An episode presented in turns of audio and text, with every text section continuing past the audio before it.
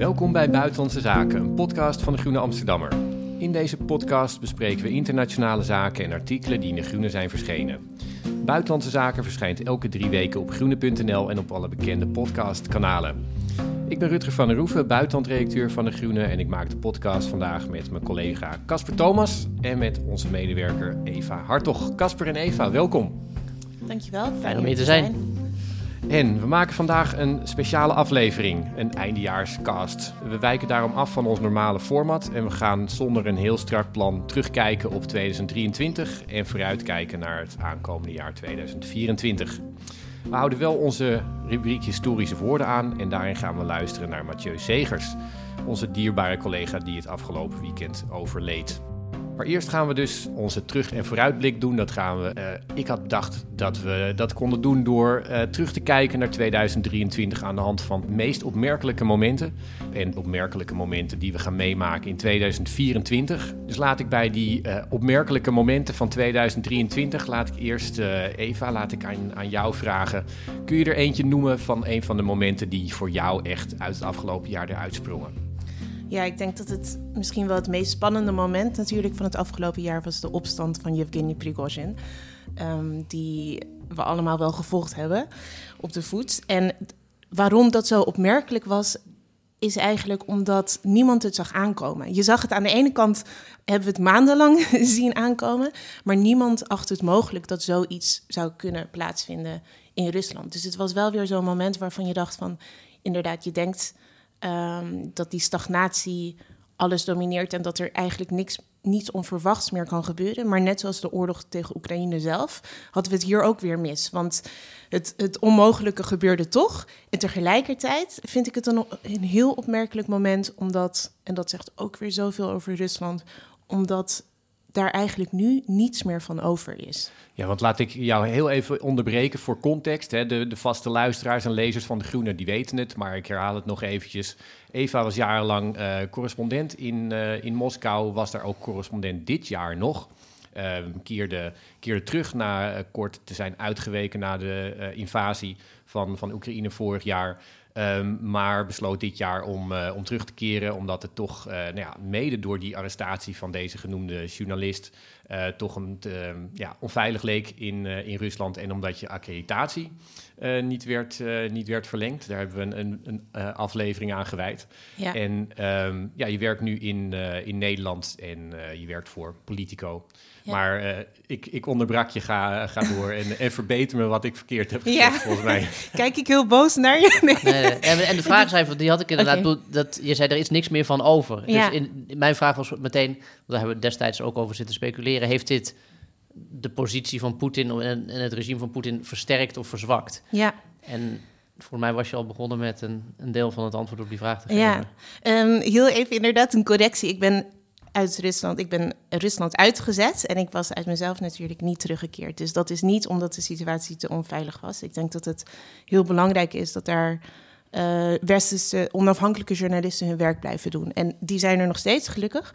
Dus eh, dat even eh, ter correctie. Wat daar Poetin gaf vorige week een persconferentie en een soort call-in Q&A met de Russische bevolking. En dat is dan een heel belangrijk moment in het jaar, want iedereen weet dat die vragen van tevoren natuurlijk gefilterd worden. Maar het is wel een symbolisch moment, omdat het Kremlin daarmee aangeeft van wat, wat was 2023 voor Poetin? Wat waar willen zij de nadruk op leggen? En het duurde, zoals altijd, duurt het heel lang. Dit jaar duurde het vier uur. En de naam Prigozhin werd niet genoemd. Hij bestaat niet meer. Uit de geschiedenis geschreven. Hij is uit de geschiedenis geschreven. Ja, dus Prigozhin is eigenlijk van een soort van volksheld.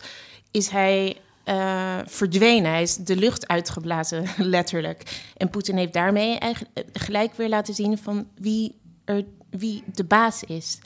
En ehm, het probleem of in Rusland is dat er, behalve Prigozhin, is er helemaal niemand. Is er geen zichtbaar persoon die die rol op zich zou kunnen nemen.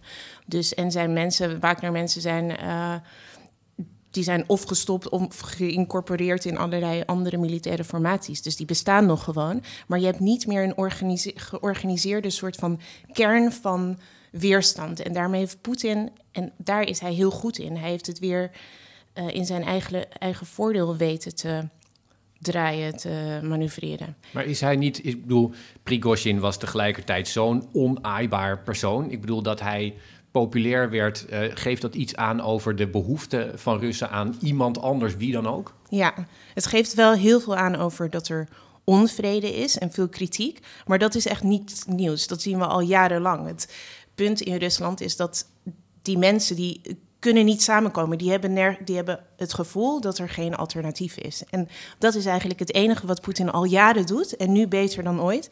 Hij laat keer op keer zien dat er behalve Poetin niemand anders is die het land kan besturen. Er zijn geen, ook geen, geen oppositiepolitici. Ik wilde eigenlijk Alexei Navalny nog noemen, want die is vermist. Daarvan weet niemand nu waar die is. Um, dus dat is Poetins kracht. Hij ruimt het veld leeg van alle oppositie, alle critici, alle um, mensen die, alle concurrenten. Ja, nou, ik denk dat we zijn naam nog wel gaan tegenkomen bij uh, je vooruitzichten voor. voor ik had er nog één, nog één vraag hierover, want over die, die, die, die greep van Poetin op Rusland. Dan wat me toch wel dan is opgevallen dat als je terugblikt op het afgelopen jaar, dat zelfs het naar het front sturen van honderdduizenden uh, Russische mannen en naar een, een, een, een, een wisse dood insturen, dat, zelfs dat is iets, niet iets wat heel veel onvrede op gang brengt in, in de samenleving, lijkt het. Dat is, dat, dat, en dat is als, je zelfs die, als zelfs dat geen, geen grens is, als het ware, waar, waar, waar, waarna mensen, ik noem maar wat, in opstand komen of denken, dit, dit, dit is me nu echt genoeg, dan, voor mij zijn, heb ik gezegd, er zijn, er, zijn, er zijn weinig autocratieën die dat met hun eigen bevolking kunnen doen en, en niet eens hoeven te vrezen voor de consequenties. Juist wel, volgens mij, autocratie. Er zijn weinig democratieën die dat met hun eigen bevolking kunnen doen. Ik denk, we gaan eigenlijk nu een beetje de filosofie-psychologie in. Oh, dat mag. Maar ja, ik denk, um, het gaat er niet om dat er geen onvrede is. Je hebt de afgelopen weken, maanden ook een ontstaat er een soort van nieuwe protestbeweging van vrouwen en moeders van soldaten die dus naar het front gemobiliseerden, zeg ik gelijk, die naar het front zijn gestuurd. En al een jaar lang, sinds de mobilisatie in oktober, um, niet naar huis mogen. En die moeten eigenlijk oneindig aan dat front blijven tot de oorlog voorbij is. Iedereen begrijpt dat dit nog heel lang gaat duren. Dus die vrouwen die komen in opstand, die nemen video's op, plaatsen ze op YouTube.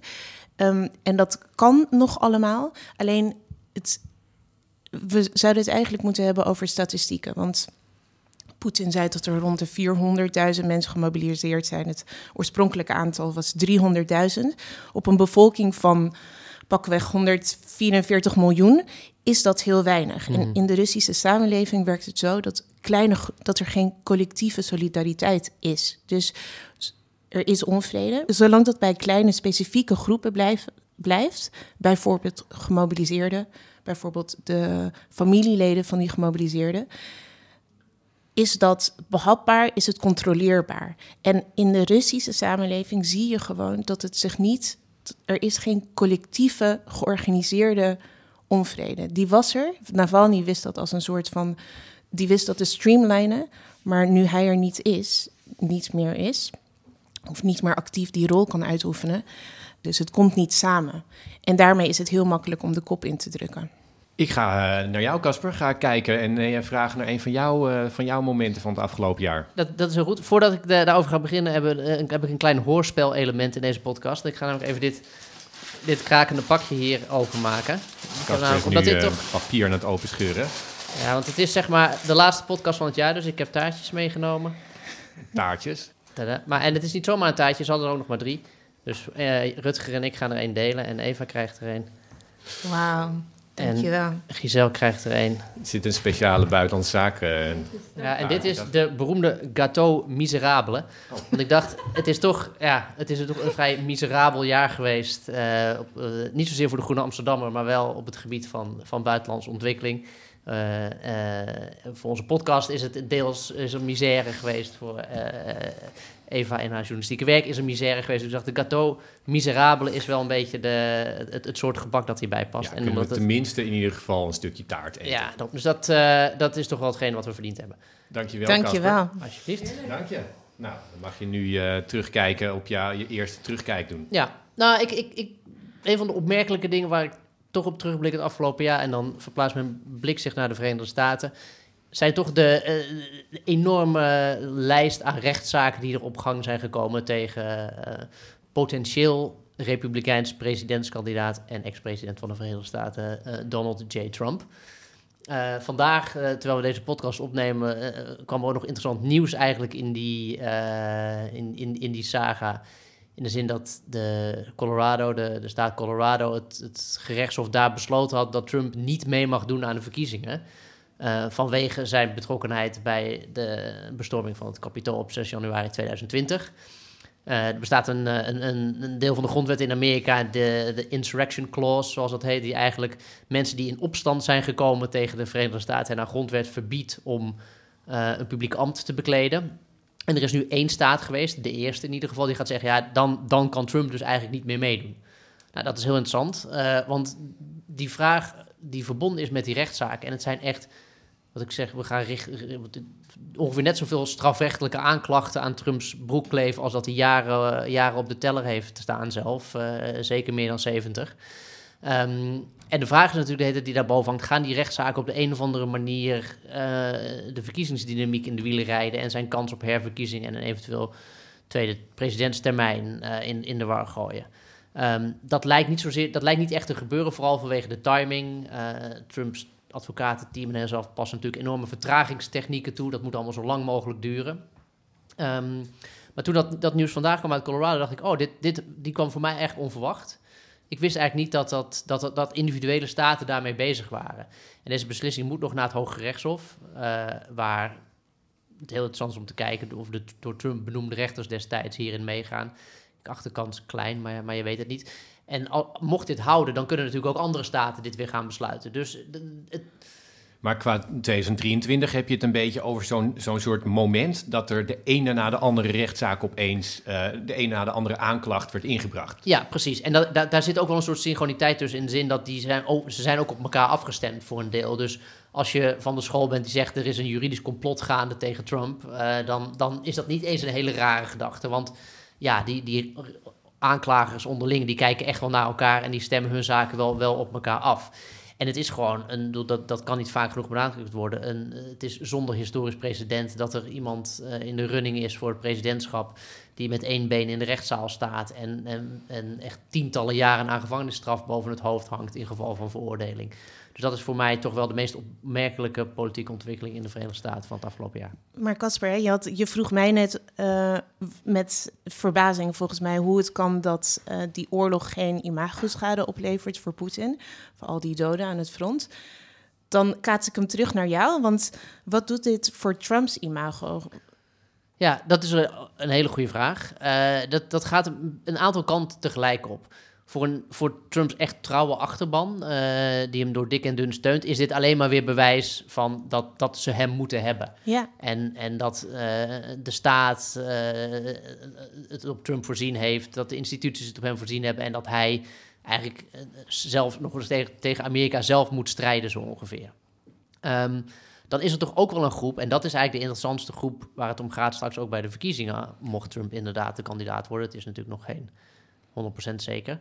Ehm, er zijn ook wel Republikeinse kiezers die gewoon geen zin hebben in dat gedoe. Weet je, die gewoon niet een president willen die ook nog rechtszaken moet voeren, die misschien wel veroordeeld is.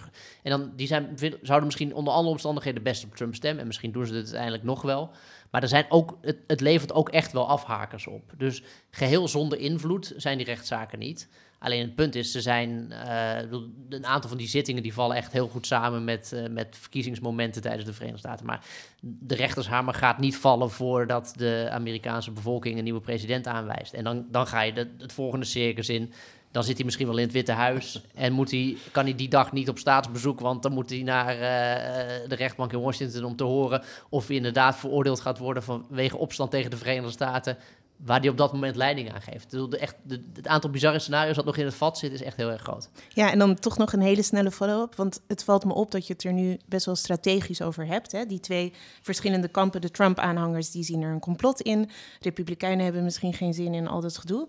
Maar wat over de inhoud van die aanklachten? Heeft dat nog enige invloed? In de zin van dat misschien mensen toch gedesillusioneerd uh, raken en denken van ja, we willen niet zo'n president die dit en dit en dit op zijn kerfstok heeft of dit heeft gedaan.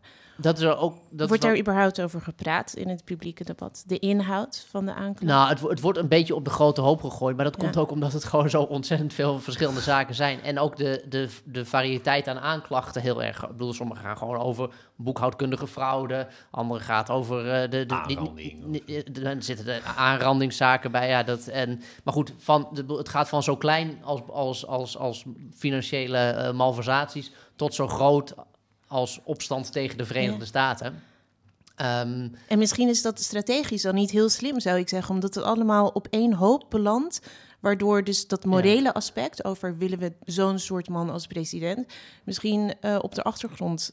Ja, en hetgeen wat ik eerlijk gezegd nog steeds niet begrijp, en ook nergens, maar goed, misschien moet ik nog beter zoeken of dit zelf gaan uitzoeken, een, een duidelijke verklaring voor heb gelegen Heel veel van, die, heel veel van de vergrijpen waar het over gaat, die, sommige daarvan dateren al van ruim voor zijn presidentschap. Heel veel gaan over zijn zakelijke verwikkelingen, of nog voordat hij president werd.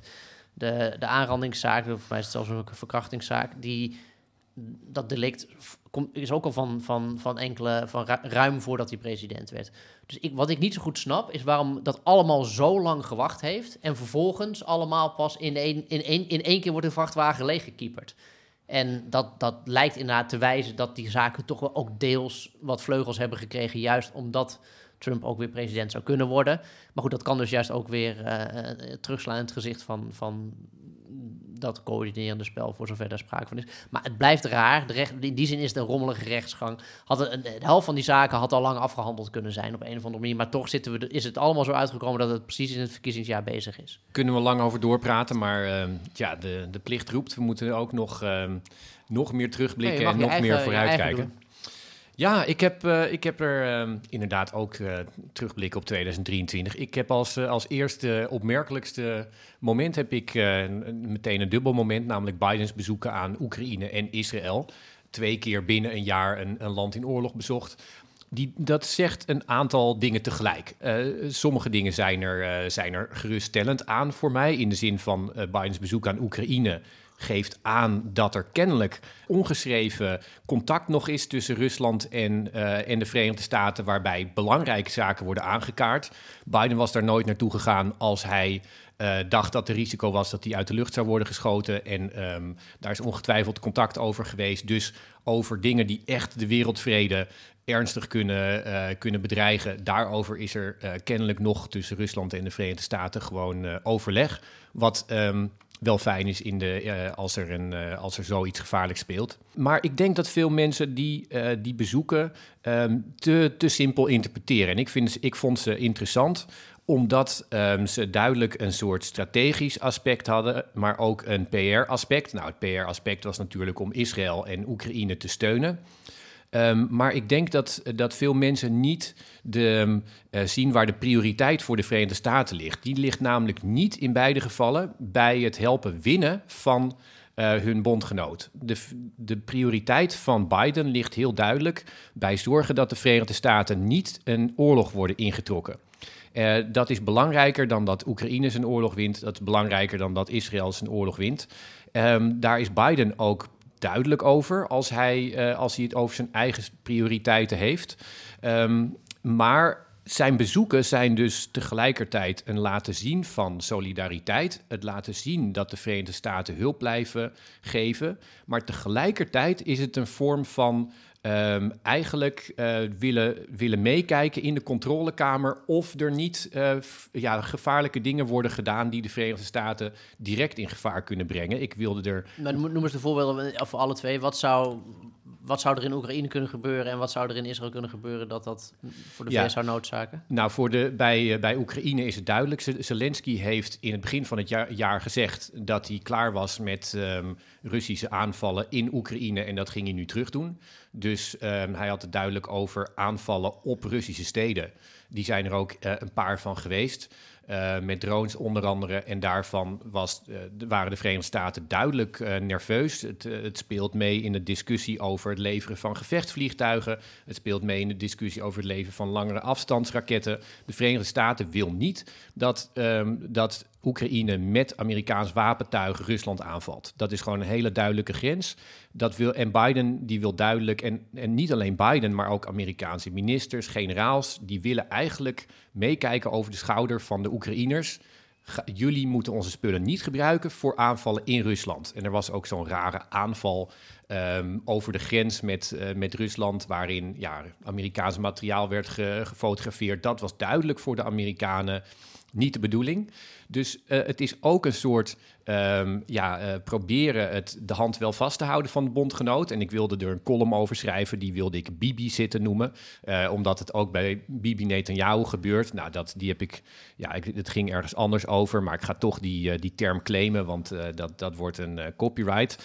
Dus het, de, de trip van, uh, dat was je tweede vraag, de trip van Biden naar Israël, dat was een beetje proberen uh, Bibi Netanyahu en het Israëlische leger te weerhouden van um, bepaalde oorlogsscenario's waarvan de Verenigde Staten bang waren dat ze tot een escalatie zouden leiden. Bijvoorbeeld met Hezbollah, maar ook um, uh, in, in Gaza zelf. Dus zij hebben beperkte controle op Israël, hebben wel zeker, een zekere mate van controle.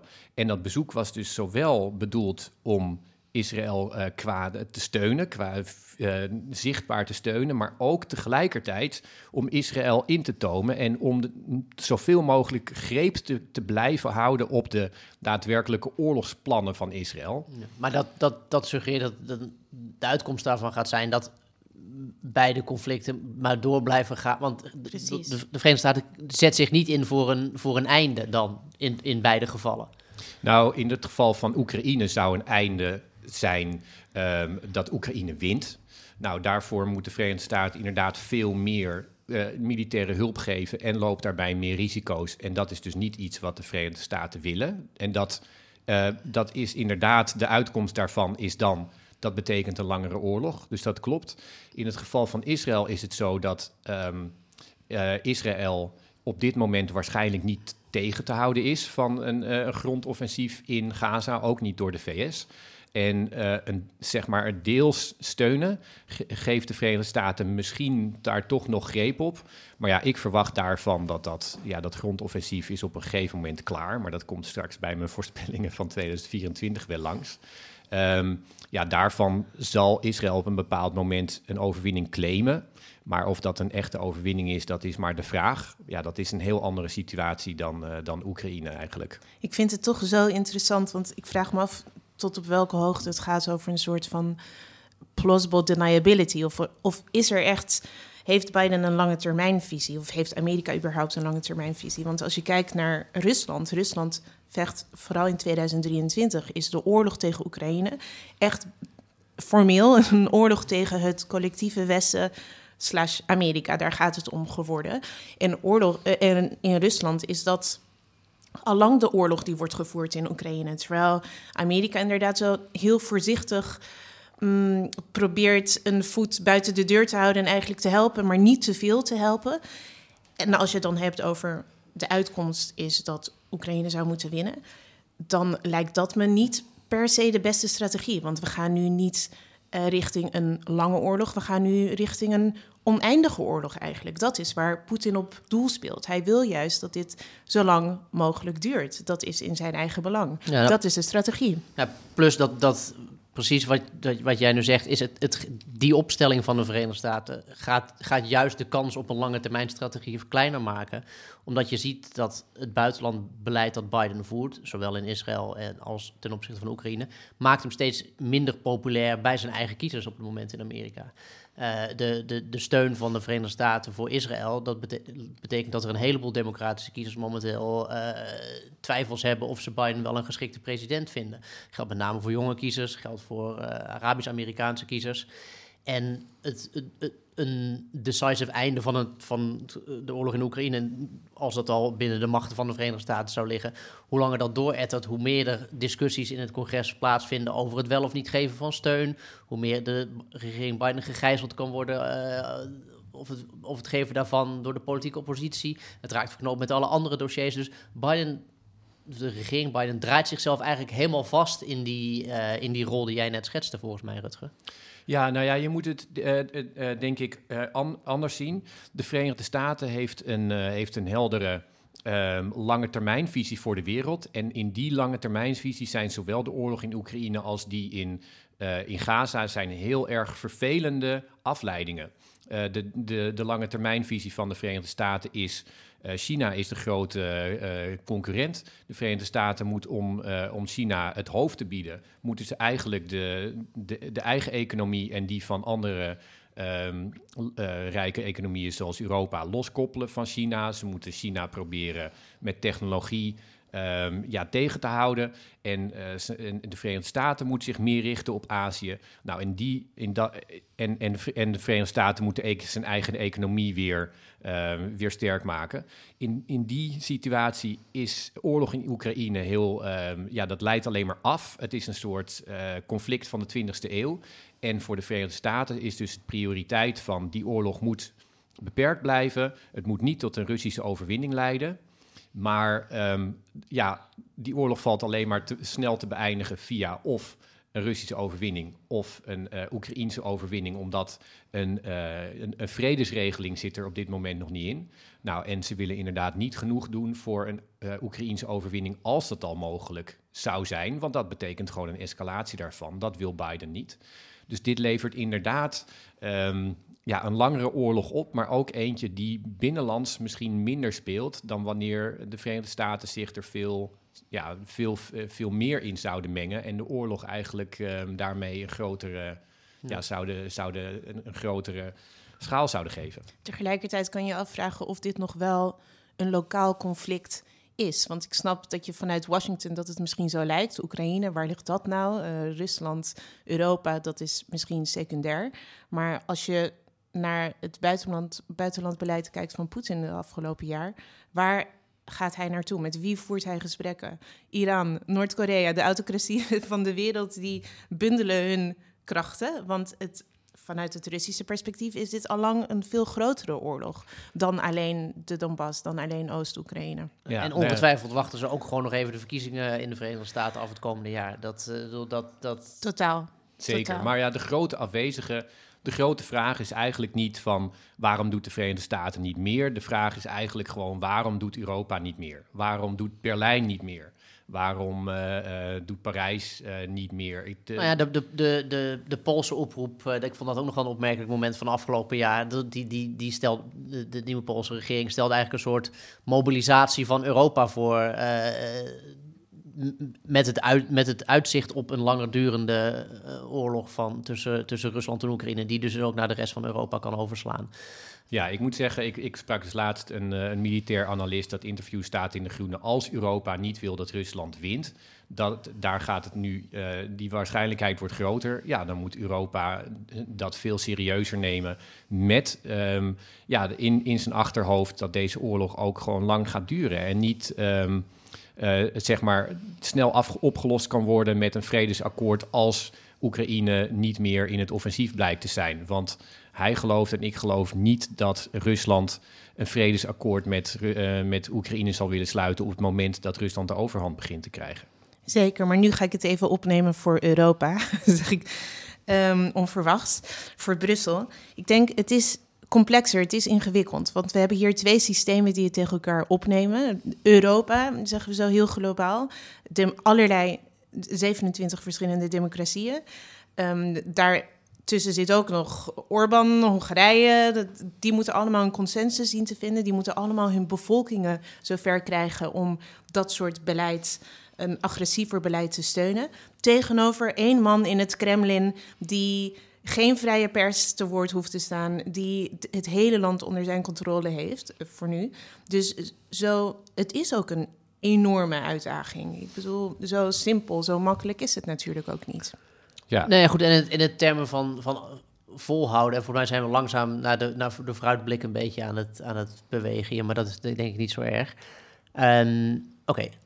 Stel Trump wint de verkiezingen, dan zit hij er inderdaad nog vier jaar. In, in, in vier jaar kun je een hoop doen en een hoop kapot maken en kan er een hoop misgaan. Maar daarna is het tijdperk Trump en ook het tijdperk Biden is echt wel voorbij.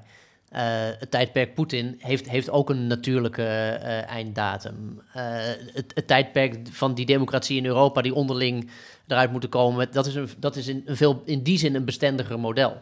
Snap je? Die zijn, die, dat, dat hinst minder op, op, op specifieke individuen. En ook nog eens een keer even individuen op leeftijd. Dus in die zin sluit ik me wel een beetje aan bij Eva's voorzichtige, optimistische ja, was ik te optimistisch? Uh, ja, Oké, dat, dat was dan per uh, nou ja, voorzichtig, voorzichtig optimistisch. Tegelijkertijd kan er heel veel gebeuren hè, in vier jaar. We gaan nu het derde jaar van de oorlog in. Tja, nee, ik moet, uh, ik moet er bij, bij, bij dit verhaal toch een beetje denken. Ja, dus ik ben historicus, sorry daarvoor. Maar ik moet denken aan Athene en Sparta.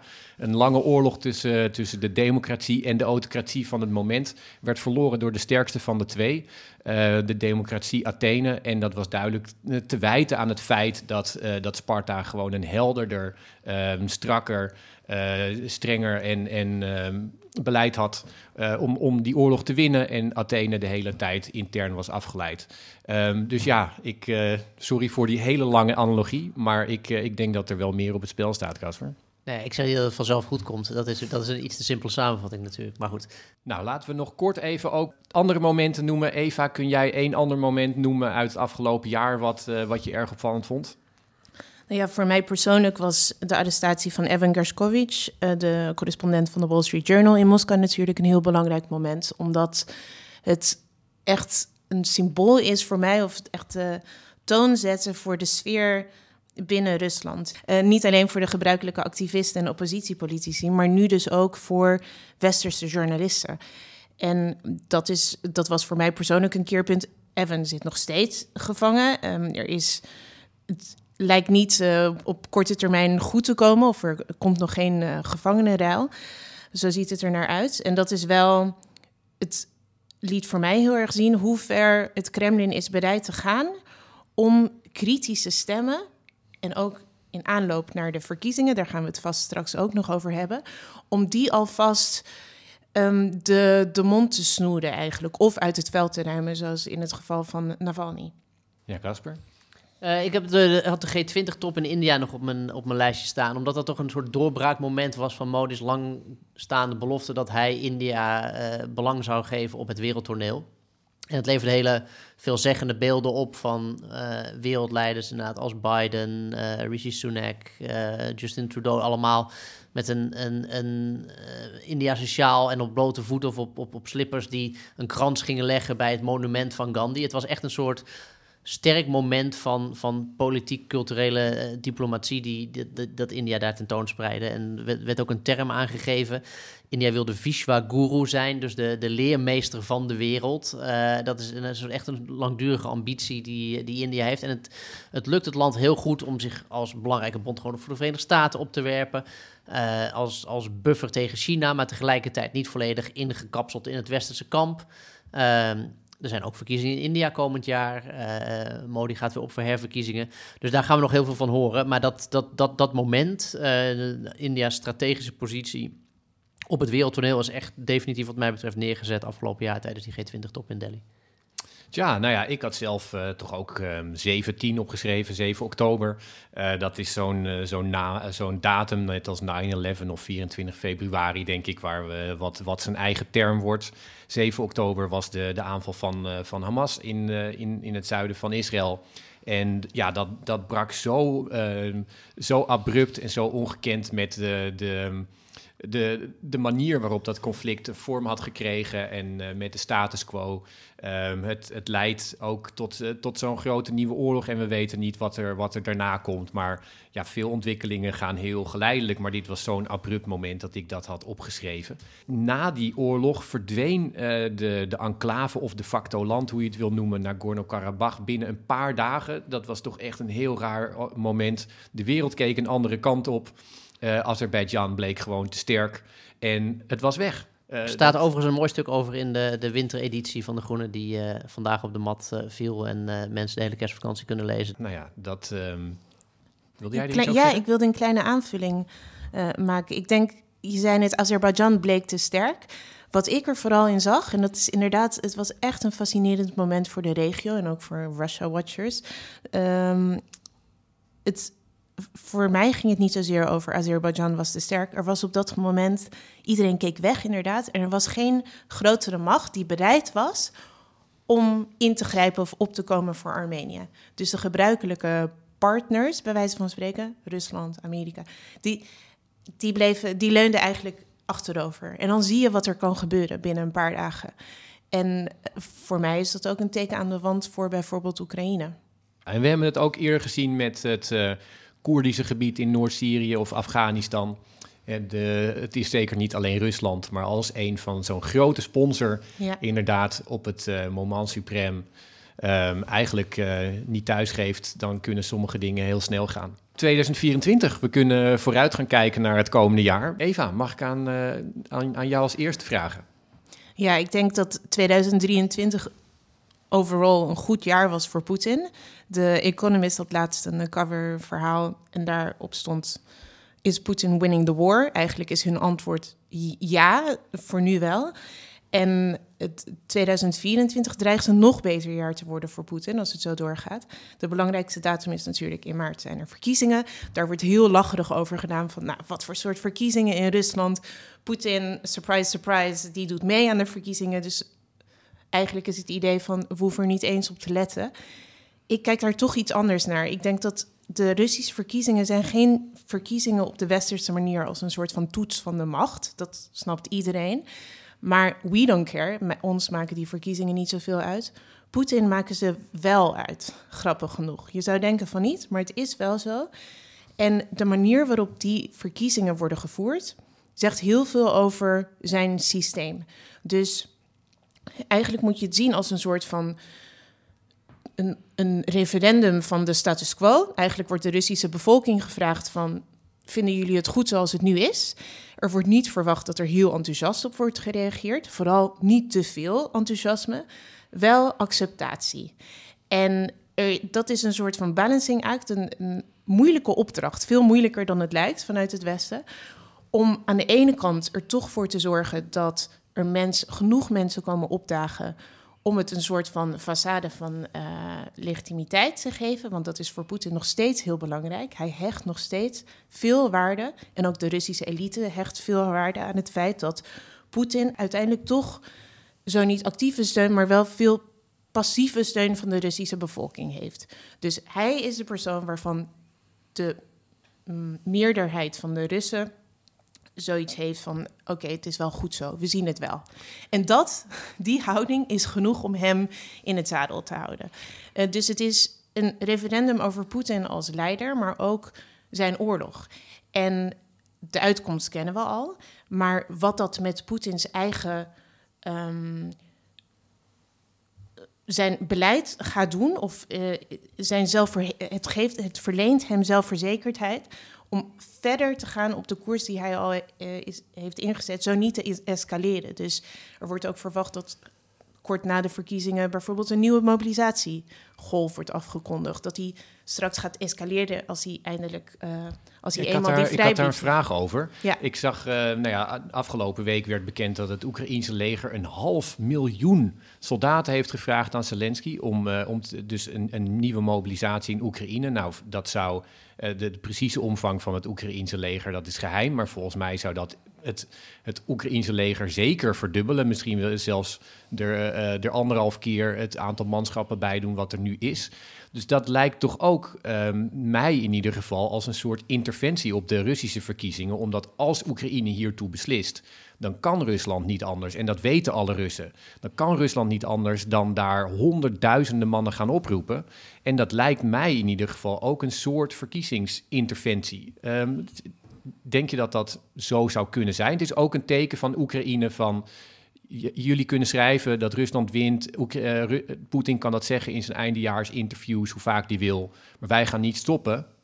Dus Russen, uh, zeg maar hoe lang jullie willen doorgaan, want wij, wij stoppen niet. Ja, nou ja, militaire experts zeggen al maandenlang dat een tweede mobilisatiegolf on, onontkoombaar is. Je hebt die mensen nodig. Dat is dat is gewoon een, een, natuurwet. Je kan niet verder blijven vechten met de groep die Rusland nu heeft. Dus um, Poetin die zei tijdens zijn persconferentie dat er anderhalf of duizend mensen, vrijwilligers elke dag. Ehm, het Russische leger ingaan. Ik betwijfel dat echt heel erg. De vraag is alleen wanneer dat is en op welke manier ze dat gaan doen. Het wordt vast een minder heftige manier dan de vorige keer, want ze hebben heel lang gehad om, om allerlei uh, voorbereidingen te treffen.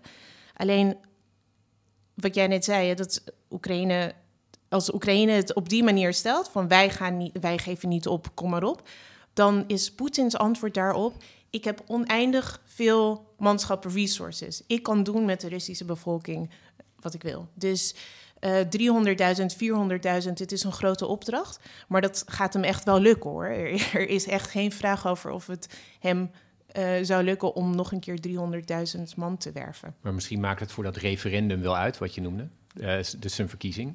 De mobilisatie. Het is eigenlijk, nou, je ziet dat dat echt de een van de grootste vragen is zo niet de belangrijkste vraag die nu speelt onder Russen. Dus tijdens die persconferentie ook was dat een van de eerste vragen die werd gesteld. Komt er een tweede mobilisatiegolf? En Poetin zei daarvan, die zei van, nou ja, dat is op dit moment niet nodig of zoiets. Uh, heel slim, op een hele legalistische manier. Maar hij, hij stelt dat moment uit, omdat dat echt een, crisis, een crisispunt was. Als je kijkt naar de cijfers, was dat ook Um, voor de Russen, die willen best meedoen aan de oorlog, maar eigenlijk passief. Zoals vanaf het begin is het al zo geweest. Dus ze willen niet naar het front, ze willen niet te veel last ondervinden van die oorlog. Mobilisatie is een soort manier van weinig succes toegeven. De... Ik denk dat het meer een manier is van te veel vragen van je eigen bevolking.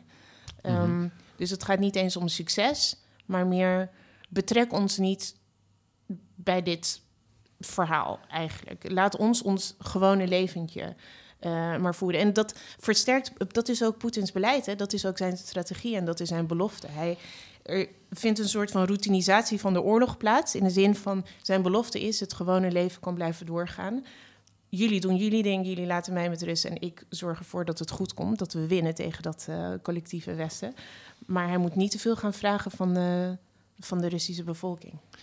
Casper, kan ik jou vragen naar een, uh, een opmerkelijk moment van 2024? Nou, 2024 gaat een heleboel opmerkelijke momenten brengen. En dat, dat komt eigenlijk omdat. Uh, ik probeer dit, deze situatie uit te leggen aan de hand van een, uh, de, de volgende vergelijking. Je hebt wel eens dat, dat in het sterrenstelsel en, en, en de planeten, dat heel af en toe gebeurt dat alles op zo'n manier in een lijn staat, dat je een soort unieke constellatie hebt. Nou, de astrologie van de internationale betrekkingen. Dat is wat hier gaande is. En volgend jaar hebben we een, een unieke constellatie als het gaat over uh, democratie en verkiezingen in de wereld.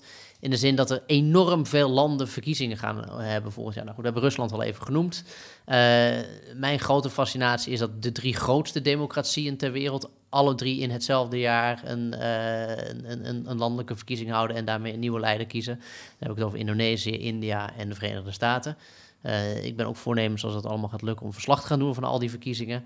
Um, en, en, dat, eind, en dat, daarmee gaat het grootste deel eigenlijk van de democratische wereldbevolking en ook een groot deel van de, laten we zeggen, half democratische wereldbevolking op een aantal plekken. Want ook bijvoorbeeld zijn er verkiezingen in Pakistan, in Bangladesh, in Mexico, in Groot-Brittannië. Nou, noem het maar op. Het is echt een enorme lijst.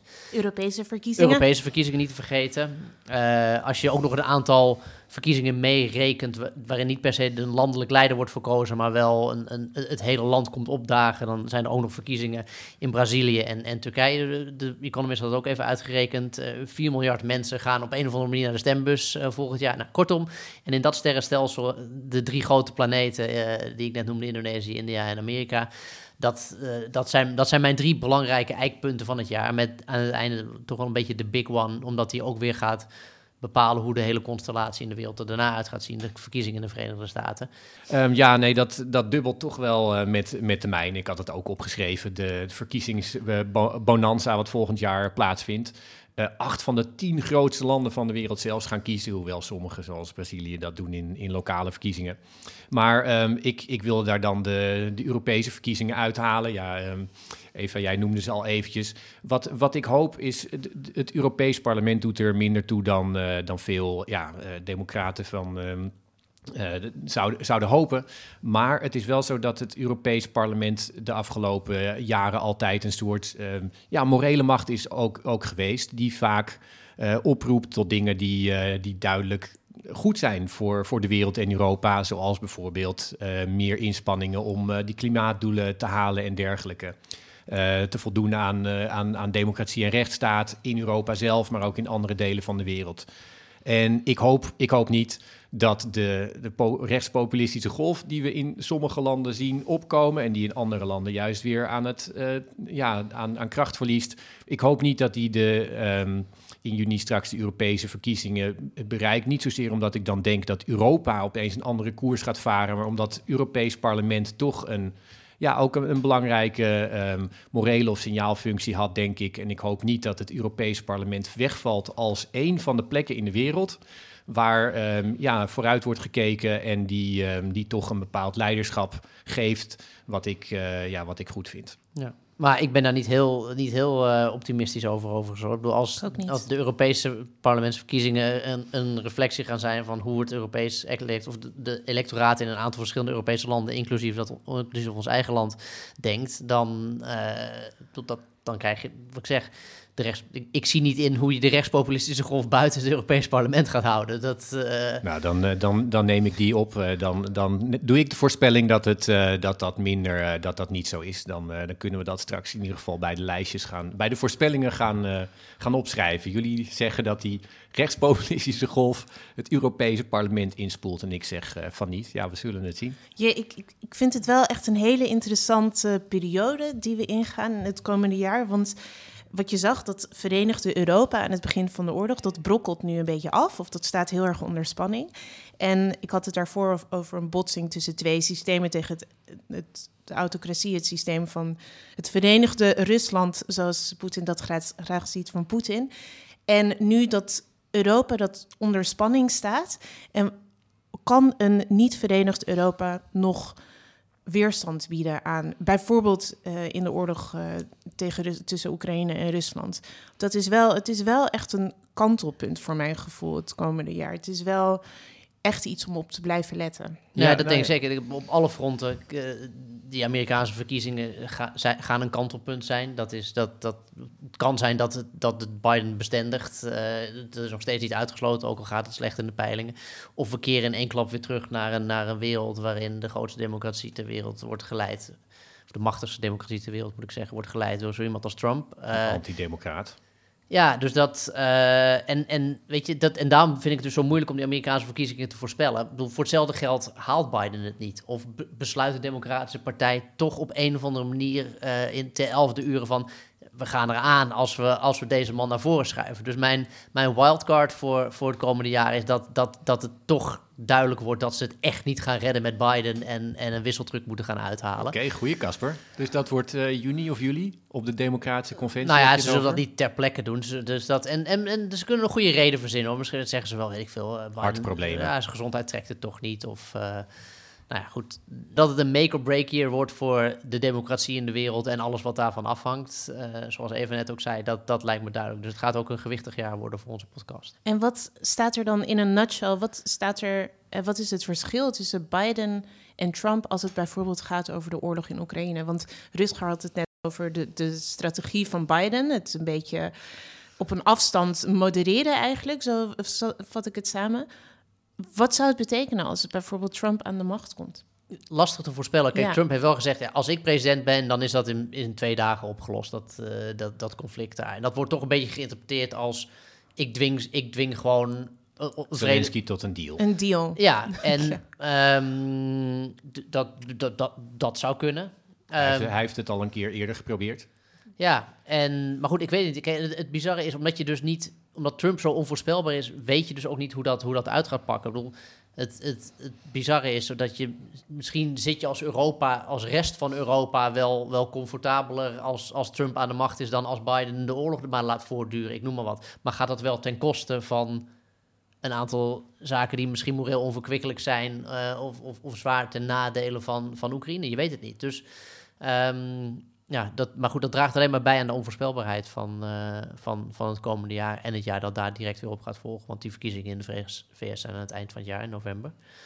Um, maar Trump heeft geen. Hij zegt alleen: ik ga het oplossen. Hij heeft niet een. een Trump presenteert nooit plannen van tevoren. Trump improviseert alleen maar. Ja. En dat kan heel slecht uitpakken. En dat kan per ongeluk ook voor bepaalde mensen of een bepaalde groep ook weer gunstig uitpakken. Dat is het lastige eraan. Maar de vraag is dus of onbrekenbaarheid een, een, een veilige strategie is. Tja, oké. nou, ik, ik wilde als laatste er nog in, in gooien. Groeiende onvrede in, eh, in zeg maar het niet-Westen met China. Eh, ik denk dat alle grote machten aan het zinken zijn. Ehm, China het minst snel, maar ik denk dat er een aantal landen zijn die ehm, vinden dat China eh, eigenlijk te weinig levert. Als, het noemt zichzelf een, zeg maar de, de nieuwe betrouwbare macht. Maar ik denk dat er bijvoorbeeld in de, de Rode Zee waar er nu um, problemen zijn met um, de internationale scheepvaart in, in Afrika, waar een paar conflicten broeien. En ik denk dat meer landen gaan, um, ja, zullen zeggen dat China eigenlijk zich een beetje onttrekt aan zijn verantwoordelijkheden. Ik denk dat de schuldenproblemen bij sommige landen gaan toenemen met China nu als grootste schuldeiser. Dus ik, uh, nou ja, dat is een van de voorspellingen die, uh, die ik erin wil gooien. als consequentie voor China dat het land aan macht en invloed wint en dat de Verenigde Staten in, in die twee race uh, ik denk dat, voorsprong uh, neemt? Of? Ik denk dat, uh, dat China ehm, meer zal moeten handelen en meer, zal, eh, meer aan internationaal leiderschap zal moeten doen. En dat betekent ook dat het nek meer moet uitsteken met meer. en gaat meer, het de wereld veiliger of onveiliger maken? Uh, nee, ik denk niet dat, uh, dat, dat China nu werkelijk veel mogelijkheden heeft om de, om de wereld veiliger te maken. Dus nee, ik denk niet dat dat meteen uh, een, een, een, een heldere verandering gaat opleveren. Eva, wil jij daar nog voorspelling aan toevoegen? Ja, we hadden het net over de Russische verkiezingen, dus dan, daar blijf ik dan bij. Ik kan heel flauw zeggen dat Poetin gaat winnen, maar dat ga ik niet doen. Dan win ik die fles wijn. Nee, um, de woordvoerder van Poetin, Dmitri Peskov, heeft dus maanden geleden in een interview aan de New York Times al gezegd, eigenlijk voorspeld, dat Poetin zou winnen met 90 procent uh, van de stemmen. Dat lijkt me een klein beetje hoog. Maar ik, ik ga het heel specifiek maken. Ik denk ergens rond de 85 procent met een grote opkomst. Want dat is het enige eigenlijk dat belangrijk is nu voor het Kremlin. Dat, veel, dat, dat het er naar uitziet alsof um, Poetin de, echt een grote meerderheid uh, van de bevolking achter zich heeft. Dus ik schat een opkomst van rond de 70 procent.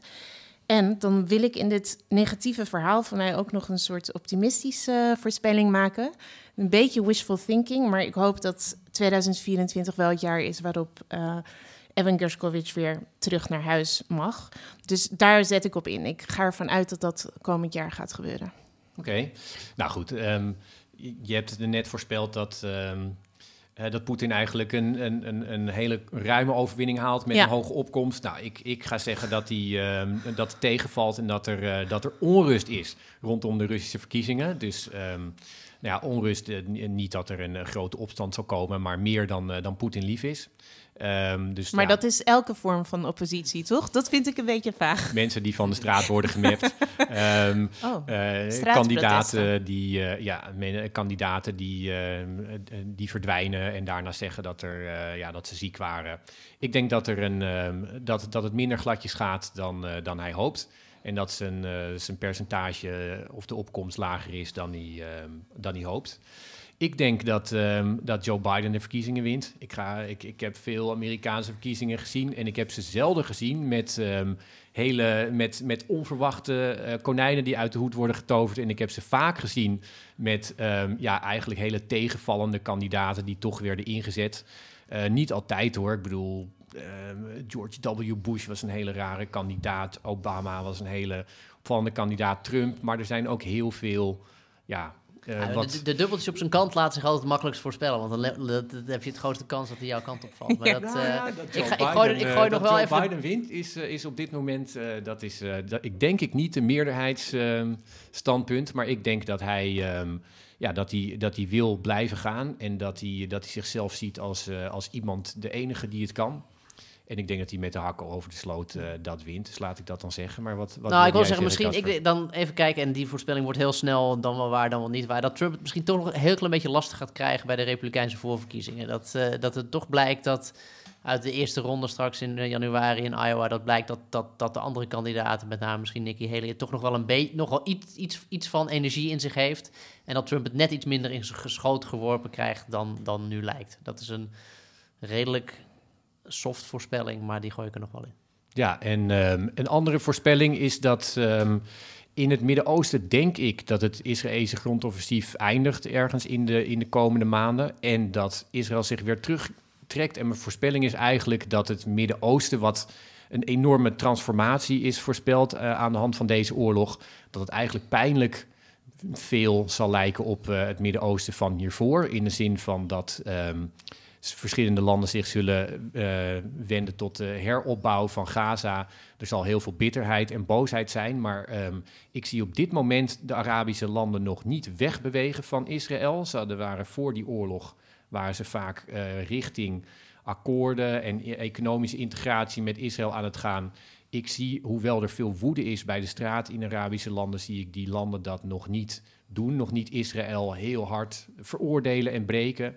Dus um, ja, het is heel pijnlijk om, uh, om, om te voorspellen. Maar ik denk dat ondanks al het leed en geweld en alles wat wordt aangericht in, in Gaza door Israël, denk ik dat, um, dat er toch niet een doorbraak komt richting een vredesakkoord, maar ook niet dat, de, ja, dat, dat Israël nu alleen komt te staan en wordt gedwongen tot een, tot een koerswijziging. Dat zou mijn voorspelling zijn wat dat uh, conflict betreft. Nou, volgens mij kunnen we daarmee een, een streep zetten onder, ons, uh, onder onze eindejaarskast. in ieder geval het deel waarin we voorspellingen doen en terugkijken. Laten we dan naar de historische woorden gaan.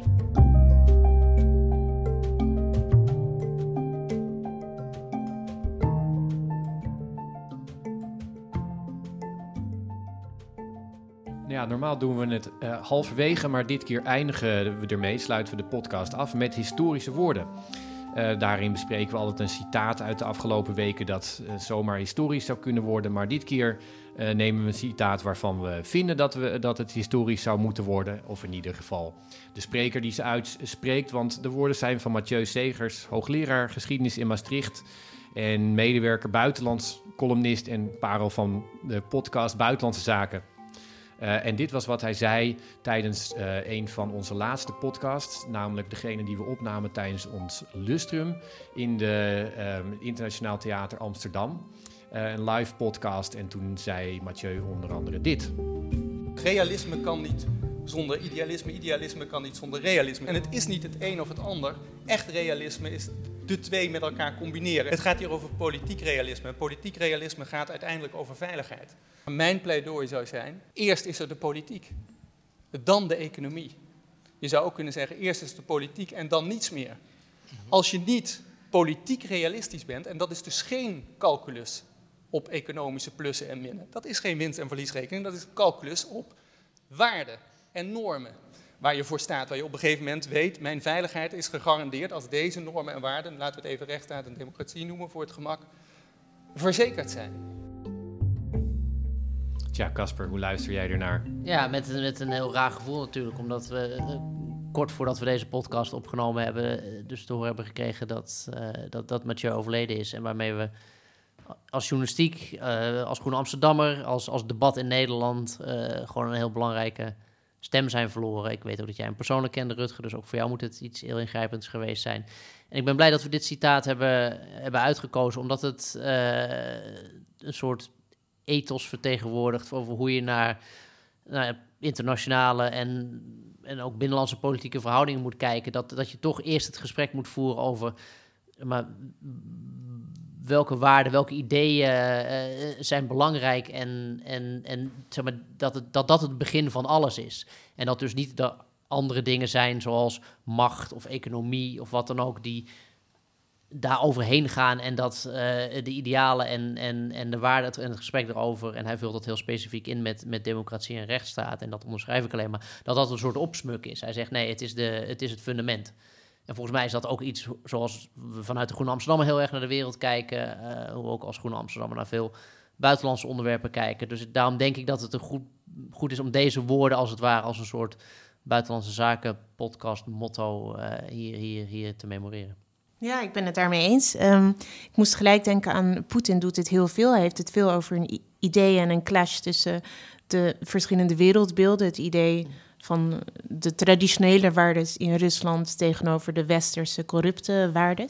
En ik denk, als je toch al in zo'n conflict zit, bij wijze van spreken, dan zou je ook als het Westen, zeg ik zo heel globaal, voor die waarden kunnen opkomen. Je zou dat, misschien doen we dat te weinig. We zien dat niet per se als een selling point. We, leven in een ander tijdperk misschien, waarbij we het inderdaad veel over economie hebben en alle, allerlei technische, bureaucratische zaken en wat minder over wat was de bedoeling? Waar gaan we naartoe? Wat, hoe willen wij dat de wereld eruit ziet?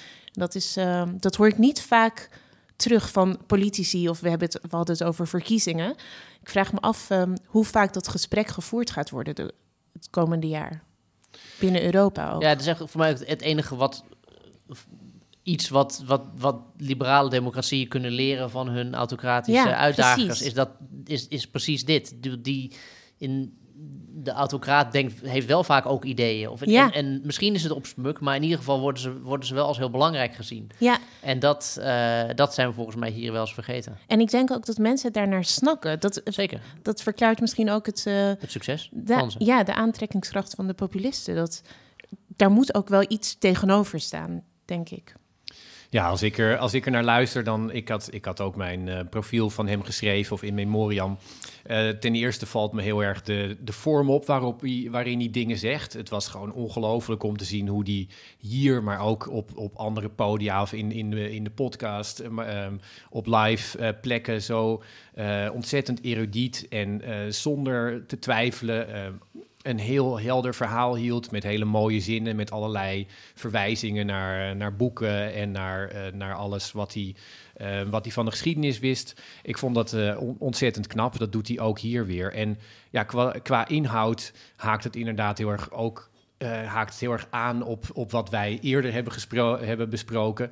Um, wat hij niet wil, is dat er eigenlijk schotten worden opgeworpen tussen macht en um, economie en waarden, waarbij die waarden duidelijk iets zijn voor als je je veiligheid hebt, uh, hebt ge uh, georganiseerd via, uh, via militaire zaken en hebt gezorgd dat iedereen rijk is. En dat je daarna ook kunt nadenken over welke waarden je voorstaat, maar dat hij wil, ervoor wil pleiten dat eigenlijk om Europa veilig te houden, onszelf veilig te houden, dat we veel meer bewust moeten zijn van de rol daarvan, uh, van onze waarden. Ik vind het heel mooi gezegd. Nou ja, net zoals jullie sluit ik me er, uh, erbij aan. Ja, wat je, en daarom zijn mensen als Mathieu belangrijk en is het dus pijnlijk dat hij er niet meer. Want er zijn niet zoveel mensen die ook op die manier vanuit de Europese geschiedenis naar, de, naar het heden kijken op die manier en met, met zo'n kennis daarvan. Dus dat is, uh, en, en zo is Europa natuurlijk ook wel een beetje uh, begonnen op een bepaalde manier. En ook wel zeggen mensen, ja, dat, dat, dat, het, het ging uiteindelijk allemaal om, om materiële belangen en dat soort zaken. Maar toch, die, die idee van een ideeëngemeenschap, uh, wat ik zeg, ik vind het de moeite waard om, om het pleidooi daarvan ja, nog een keer te onderstrepen. Of de waarde daarvan nog een keer te onderstrepen. Ja, of is het een, of is het een soort pakket waarvan je ook naar voren kunt halen, waarvan je, ja, wat je belangrijk vindt, waarvan je vindt dat het niet vergeten moet worden. Dat doet hij hier. Nou ja, wij zullen hem als, als um, geschreven stem in de Groene Amsterdammer heel erg missen. Ook in deze podcast. Dus uh, daarmee sluiten wij vandaag af.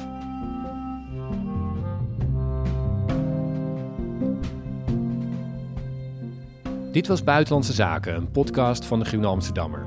Je hoorde Eva Hartog, Casper Thomas en Rutger van der Hoeven vanuit Amsterdam. De podcast werd gemaakt door Giselle Mijnlief. Meer buitenland kun je vinden in ons weekblad en op de website.